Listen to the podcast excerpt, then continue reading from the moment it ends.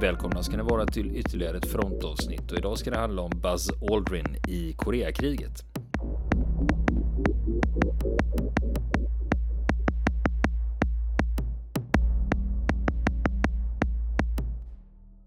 Har du Niklas Buzz Aldrin? Ja, just det. Han är ju känd. Ja, det är han ju. För, att, eh, Ja. för sina rymdresor. Ja, absolut. Men du menar att han har gjort andra saker också? Ja, ja, långt tidigare. Det var ju något du hintade lite om i förra programmet när vi pratade om flygare i Koreakriget. Just det. Så just nämnde du astronauter. det. Just det. eh, Men du var ju inne på de som flög Panther. Exakt. Ja, och det gjorde ju inte Buzz Aldrin. Han flög ju Saber, F86an. Mm. Smällde väl lite högre. Ja, jag var lite fräckare. Eh, Så att eh, det är det vi ska prata om. Här. Och det är just det, Buzz Aldrin är ju, är ju cool va? Tycker jag. Eh, Det är ju väldigt, väldigt subjektivt det där. Men jag, jag gillar ju honom. Han är ju fräck. Eh, Han är superhäftig. Han är ju 93 år. Han lever ju fortfarande. Och eh, nygift med en 63-årig fru förresten. Ja. Lammkött. är- ja, verkligen. En 63-årigt lammkött, ja. Ja. Precis. Har han inte ett Twitterkonto också? Rätta mig om jag har fel, men jag tror Ja, jag, jag är inte aktiv på den plattformen, så jag vet faktiskt inte, men eh, det skulle inte förvåna mig. Nej, eh, nej, så det är ju kul. Han har ju också fått ge namn till eh, den här figuren Buzz Lightyear som förekommer i Toy Story-filmerna. Ja. Så att, eh, Så det är därifrån det kommer. Ja, precis. Så vi ska berätta lite om hans bakgrund så småningom. Men vi, vi ska börja från scratch då. Han är ju född 1930. Och eh, eh, det var så att han föddes in i en flygarfamilj kan man säga. För hans pappa, som också heter Edwin Aldrin, eh, de heter samma sak bägge två. Så det finns Edwin Aldrin Senior och så har vi Edwin Aldrin Junior. Så de heter samma sak. Så då är det ju tacksamt att han har smeknamnet Buzz. Som jag ska förklara om senare var det kommer ifrån då. Men pappan där, han var yrkesmilitär och dessutom flygpionjär. Och han var biträdande chef på arméns första testflygarskola i Ohio. Från 1919 till 1922. Och det var också pappan där som grundade Ingenjörshögskolan som sen blev Air Force Institute of Technology på Wright-Patterson Air Force Base i Ohio. Och eh, pappan där hade också en doktorsgrad från MIT, alltså Massachusetts Institute of Technology. Det är en väldigt väl ansedd tekniskt eh, universitet i, eh, i USA. Det kan vara jobbigt att växa upp med en sån pappa. Man sätter ribban ganska högt. Och det, det är inte nog med meriter på farsan där då va? För att eh, pappan där, han var också passagerare på den första transatlantiska turen med Hindenburg. Nej men gud, det hade jag ingen aning om. Nej, vem, fan, vem fan visste det liksom? Det, det, är sånt, det är bara sånt man får lära sig med, eh, det var ju inte kraschen då med Hindenburg som han var med på. Men eh, det är bara när man lyssnar på fronten man får lära sig sådana här fakta. Onödiga TP-fakta. Ja, verkligen liksom. Buzz Aldrins pappa har flugit med Hindenburg. Men inte nog med det. Han var, jag, jag nämnde ju det här med att han var flygpionjär. Eh, det var så att han kände alltså Orville Wright. Alltså en av Wright-bröderna. Jaha, det också. Ja. Ja, förstås. Ja. Ja. Mm. Och då, då tänker du så här, eh, har, har Robert inte namedroppat tillräckligt nu när det gäller Buzz Aldrins pappa? Ja, lite nej, så. Det, nej, det finns lite till att bjussa på här. Okej. För han var kompis med Jimmy Doolittle. Och det Oj. är, kanske inte, det kanske inte många som känner igen namnet sådär att det plingar till i huvudet. Men det var han som var ansvarig för räden mot Japan efter Pearl Harbor. Exakt. Eh, Det skildras i filmen Pearl Harbor i slutet där. Och den eh, har väl fått en hel del kritik just den filmen för att den har skarvat en hel del med, eh, med hur det faktiskt gick till. Men eh, vill man verkligen veta om The Doolittle Raid som är en sån här legendarisk raid som är spektakulär och den är väldigt, väldigt känd. Då finns det en gammal film som heter 30 seconds over Tokyo som beskriver det här, eh, den här mycket spektakulära bombräden. Och vi får nog eh, ägna ett helt frontavsnitt om Doolittle-räden, så jag får, vi, vi släpper den där. Släpper den Så, så, får vi länge. komma, Mm. tillbaka, komma tillbaka till den vid ett annat tillfälle. Japp. Och den här flygintresset som fanns i familjen, det var så att Buzz Aldrin, han flög första gången redan som tvååring. Eh, och du vet, 1932 är det då. Det är inte många som överhuvudtaget har suttit i ett flygplan eller knappt sett ett flygplan. Va? Men eh, vid två års ålder så hade han gjort sin flygdebut redan då. Och nu kommer jag till det där med smeknamnet, för han hette ju Edwin Aldrin Jr. Men smeknamnet, det var hans syster som inte kunde säga brother, utan kallade honom för Buzzer. Mm. Och då var det det som först fäste i familjen då, Buzzer, och sen blev det Buzz. Och eh, det satt så hårt så att eh, i vuxen ålder så bytte han faktiskt, eller la till det namnet. Så det är hans riktiga namn. Han heter alltså Buzz numera. Mm. Och det här flygintresset som eh, såklart väcktes i honom när du hade en farsa som höll på med sådana fräcka grejer. Så blev det ju inte mindre när hans pappa landade med en P38 Lightning på ett flygfält i närheten efter andra världskriget. Så det är liksom, det känns ju lite som om vägen var utstakad här då va? Ja, typ. Ja, Annars hade han väl blivit frisör. ja. Tänkte du på Buzz? Eller Ja, vadå? precis. Att han kör, ja, kör med trimmen där ja. Nu var det ju det här med andra världskriget. Det var ju så att ja, eh, Buzz var ju född 1930 så han var ju lite för ung för att vara med där. Och eh, hans pappa hade ju innan andra världskriget lämnat armén och var en framgångsrik affärsman. Han hade till exempel varit chef för ett oljeföretag. Och han hade ju en idé då kring vad Buzz skulle syssla med. Han ville att han skulle gå i flottans militärakademi i Annapolis. För han tyckte att det var bra liksom. För han hade hela tiden en bild av det där att ja, men man ska gärna utbilda sig militärt, göra en militär karriär och sen så svänger man över på affärslivet då. Så han tänkte hela tiden i de banorna, så det var så han försökte staka ut vägen då och tyckte att ja, men det är en bra grej liksom. Via flottan då liksom. Det är bra merit liksom. Men det var ju Bass inte intresserad av, utan det fanns ju fortfarande en grej det där med flyget. Han kunde ju inte riktigt släppa det. Och sen hade hans syrra, en, en, en av hans systrar, han hade flera. En av systrarna där hade en pojkvän som gick på West Point och han tyckte ju att hans uniform såg så tjusig ut, de här kadettuniformerna de har. Eh, det, var också så att det var, så han gick emot sin fars vilja och sökte till West Point och blir antagen där 1947. Och eh, den skolan, eh, där trivs han bra. Och går där några år och allting funkar bra. Och, men innan hans sista år börjar så är han och andra kadetter på en studieresa i Japan och Filippinerna. Och det är under den här studieresan de får reda på att Koreakriget har brutit ut. Och då förstod de direkt att eh, det är många som går på West Point här som kommer att bli inblandade i den konflikten på ett eller annat sätt. Och han gick ut från West Point som trea i sin klass 1951 i juni. Och då är det ju så att eh, ju- ju bättre meriter du har från West Point, desto större chans har du att välja inriktning vad du vill ta vägen. Va? Eh, om vi då, eh, jag vet vi har pratat om West Point flera gånger i podden här och jag kommer att tänka på Custer. Just det. Han var ju inte så jävla bra på West Point, det var ju därför han, var hamnade i kavalleriet. Var, han var ingen stjärna på West Point, så här, för det, det, det var liksom det sista som folk skulle välja på den tiden då. Va? Så att eh, så kan det ju gå då. Va?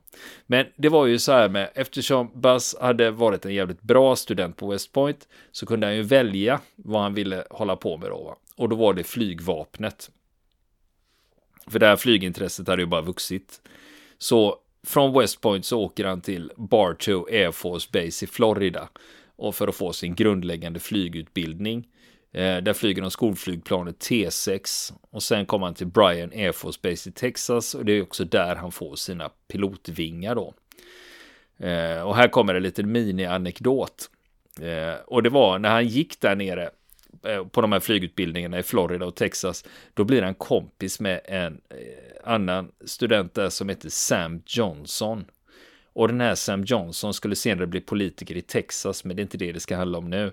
Utan Sam Johnson blev stridspilot och sköts senare, långt senare ner över Nordvietnam och var krigsfånge i sju år. Och då är det så här, när Johnson sitter som krigsfånge i Hanoi 1969. Då får han reda på att amerikanerna nu har landat på månen. Då vände sig Johnson till vakten och pekade på månen och sa ja, Du ser månen där va? Den är våran nu. Ja, Ganska kaxigt att kunna säga en sån så. sak. Ja, precis. Sådär, det hjälpte ju inte, de förlorade ju kriget ändå liksom. Ja, typ. Men hur som helst, Aldrin är ju färdig nu med sin grundläggande flygutbildning och då är ju frågan liksom vilken inriktning ska man ta då? Och eh, då, lägger, eh, då kommer ju hans pappa igen och lägger sig i och tycker en massa då. va. Och säger så här att jag tycker du ska flyga bombflygplan som pilot. För det blir, det, det är en bra ledarskapsutbildning att vara chef över en bombbesättning. För det är ju något man kan ha nytta av i näringslivet senare. För då har du fått en jättefin utbildning när det gäller ledarskap. Men det var ju ingenting som Buzz var intresserad av. Han ville ju flyga stridsflygplan. Han ville bli jaktpilot. Så att eh, han går emot sin pappas vilja än en gång. Eh, och lyckas faktiskt i hård konkurrens att bli jaktpilot. Men det var ju framförallt att han hade haft väldigt bra resultat på flygskolan. Så nästa anhalt för hans del, det är Nellis Air Force Base i Nevada. Och där får han lära sig att flyga F-80 Shooting Star och F-86 Sabre. Och den här utbildningen pågår ett tag, man blir inte stridspilot i en handvändning och framförallt inte i jetflygplan. Så det tar 18 månader innan han blir kvalificerad och blir stridspilot. Och då är det F-86 Sabre som det handlar om då. Och han kan inte, eh, jag har ju läst hans självbiografi Magnificent Desolation och han nämner ju där att han kan ju inte låta bli att reta sig på de som kallar Koreakriget för Koreakonflikten. För han, i hans ögon var det här fråga om ett fullskaligt krig. Och han ansöker också om att bli stridspilot i Koreakriget och dit kommer han i december 1952. Och vid det här laget så har markstriderna tappat fart och det är fredsförhandlingar på gång. Eller ja, ja som vi konstaterade förra, förra avsnittet vi, när vi pratade om fred i Korea. Det var inte fredsförhandlingar utan det var förhandlingar om ett eldupphör. Och det, så det har, ju på, det har ju börjat i alla fall. Men även om det har lugnat ner sig lite på marken och det står ganska mycket still så är det fortfarande fullt krig i luften vid den här tiden. Och om vi ska rita upp lite stora drag här så är det ju så att Nordkorea, Kina och Sovjet samarbetar kring det här. Eh, och de hade haft svårt att försvara sina flygbaser i Nordkorea så de har flyttat sina baser norrut, så långt norrut de bara kan. Norr om floden Yalu. Och det är ju den gränsfloden som går mellan Korea och Kina. Och då de amerikanska stridspiloterna hade order om att inte korsa floden och flyga in i Kina, även om de var inblandade i en luftstrid. Men den här orden struntade de ofta i om de var inblandade i en luftstrid och hade möjligheten att få skjuta ner en MIG-15. Och när Aldrin kommer till Korea, då tillhör han 16 Fighter Squadron, 51 Interceptor Wing. Och de är på Suwon Airbase och den ligger ungefär tre mil söder om Seoul. Och Seoul ligger ju eh, långt norrut och det är inte alls långt till gränsen mot eh, Nordkorea. Och vid det här laget så då flyger det amerikanska stridspiloter hela vägen tvärs över Nordkorea och upp till floden Yalu. För det var där man kunde få tag på fienden som flög på låg höjd eller ännu bättre om de stod still på sina baser. Och det här området kallades för Mig Alley. Och eh, under sin tid i Korea då flyger Aldrin 66 stridsuppdrag. Och många av de här uppdragen handlar om att patrullera luftrummet och hålla utkik efter MIG som kan vara på väg söderut mot de allierade trupperna. Men han beskriver inte de här uppdragen som lustfyllda eftersom de alltid är på helspänd. Och han berättar i sin biografi att ibland så ser han kondensstrimmer högt upp eller så ser han solreflexer på en vinge nedanför och då förstod han att han var inte ensam uppe i skyn. För det brukade finnas MIG i närheten som höll utkik efter fiender och skjuta ner. Och Aldrin själv, han beskriver MIG-15 som en farlig fiende och de hade faktiskt ett övertag jämfört med de amerikanska planen när det gällde luftstrider, alltså så, kallad dogfight. Eh, men där var de ganska jämbördiga på grund av att amerikanerna de hade en teknisk överlägsenhet. Men Miggens prestanda var bättre. För de kunde flyga mer än 2000 fot högre än F-86 Saber. Och deras högsta höjd var 49 000 fot. MIG-15 kunde också flyga snabbare. Och det berodde på att deras plan, de hade bland annat plockat bort all onödig utrustning för att göra det så lätt som möjligt. Och så hade de inte lika mycket bränsle heller jämfört med amerikanerna. Mm. De slogs ju lite mer på hemmaplan då. Mm.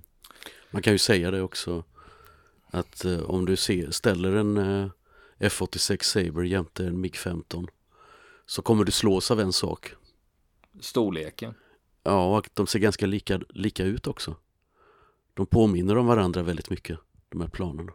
Och eh, det, det har vi berättat om i, för ganska länge sedan i en i frontenavsnitt när vi pratade om MiG-15 att, att eh, det berodde på att MiG-15 och Saber och även svenska tunnan eh, har sitt ursprung ur samma designritningar från ett tyskt konstruktionsfirma under andra världskriget. Där man alltså, de allierade fick tag på ritningarna och även ryssar också på, ett, eh, på en uppsättning ritningar. Alltså inte av planen som sådana utan, utan av en, en design av flygkroppen som skulle kunna göra den snabbare med bakåtsvepta vingar och så. Och eh, det är därför som de här planen är, påminner om varandra så väldigt mycket. Mm. Ja, det är intressant att se flygplan, eh, flygplansdesign över tid. För det är inte ovanligt att man liknar varandra på ett eller annat sätt.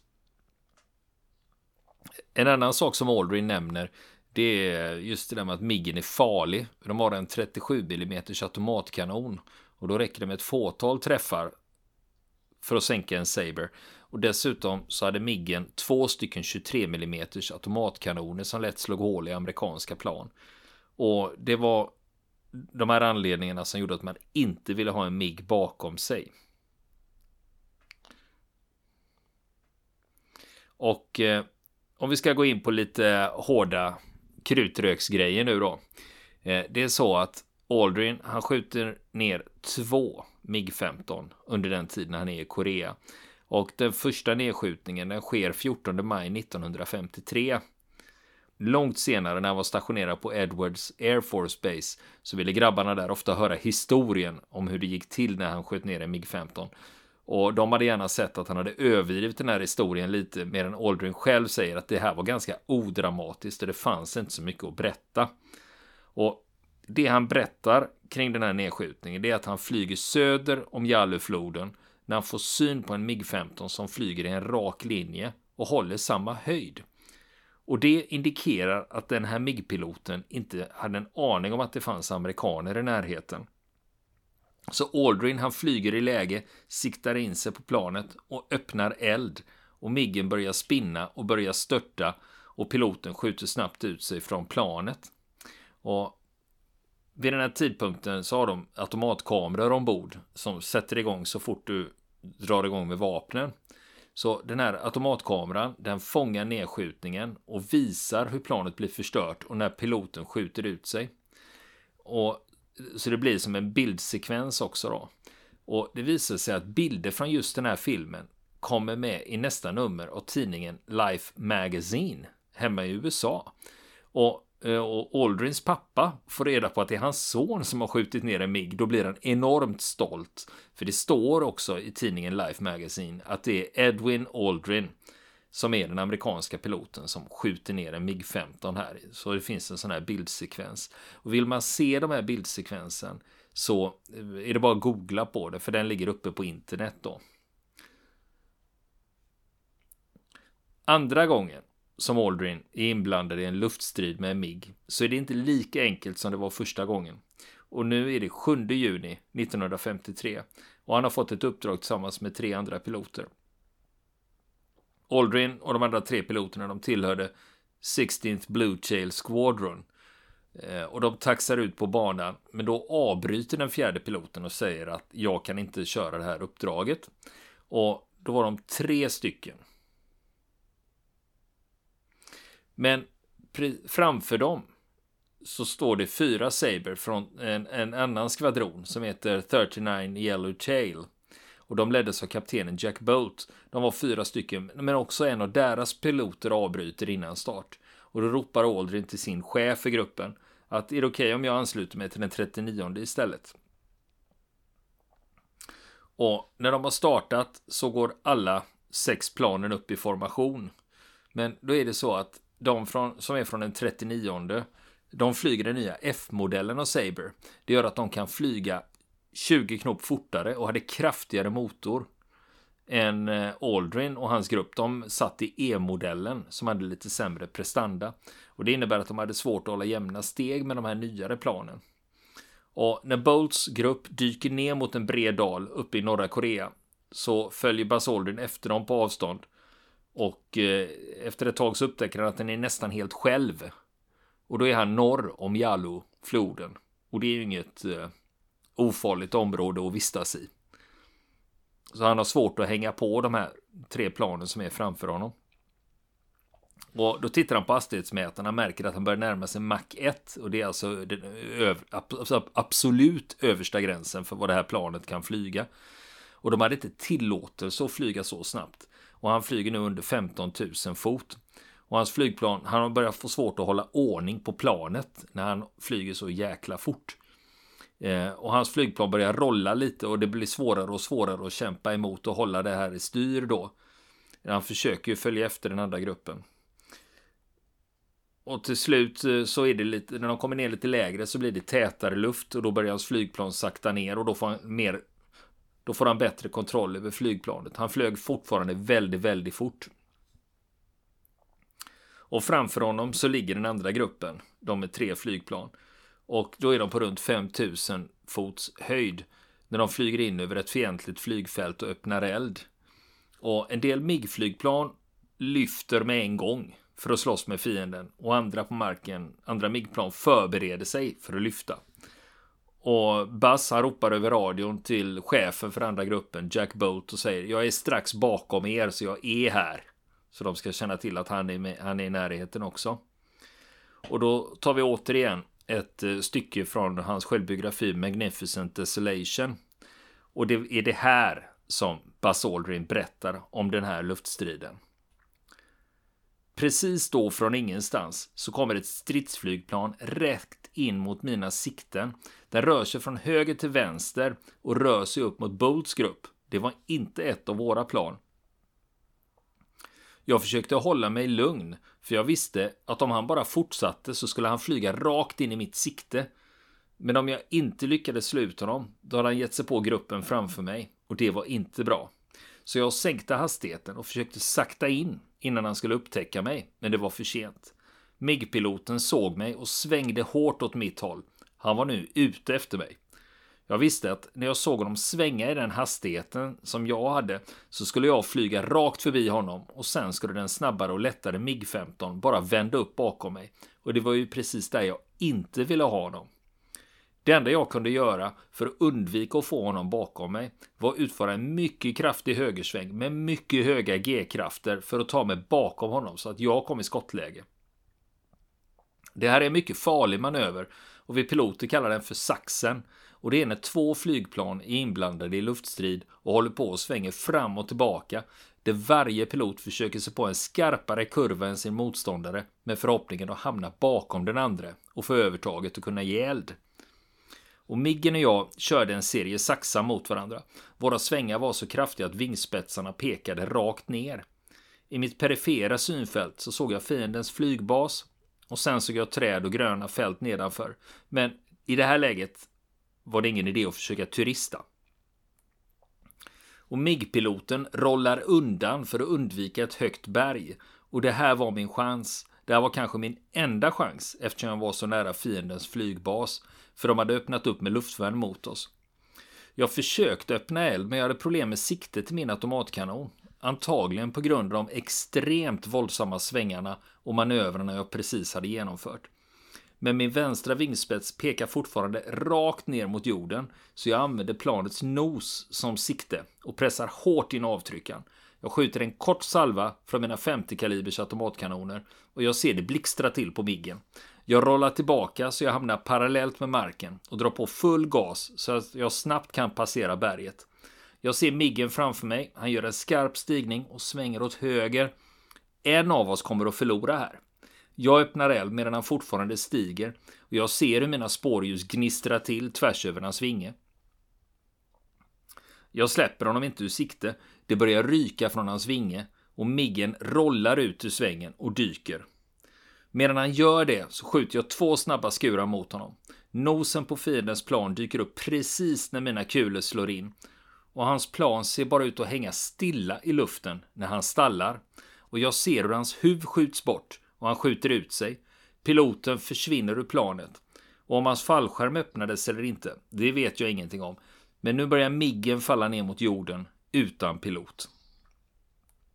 Jag hade gärna stannat kvar för att se vad som hände, men jag var ungefär 32 kilometer norr om floden och nära en fientlig flygbas.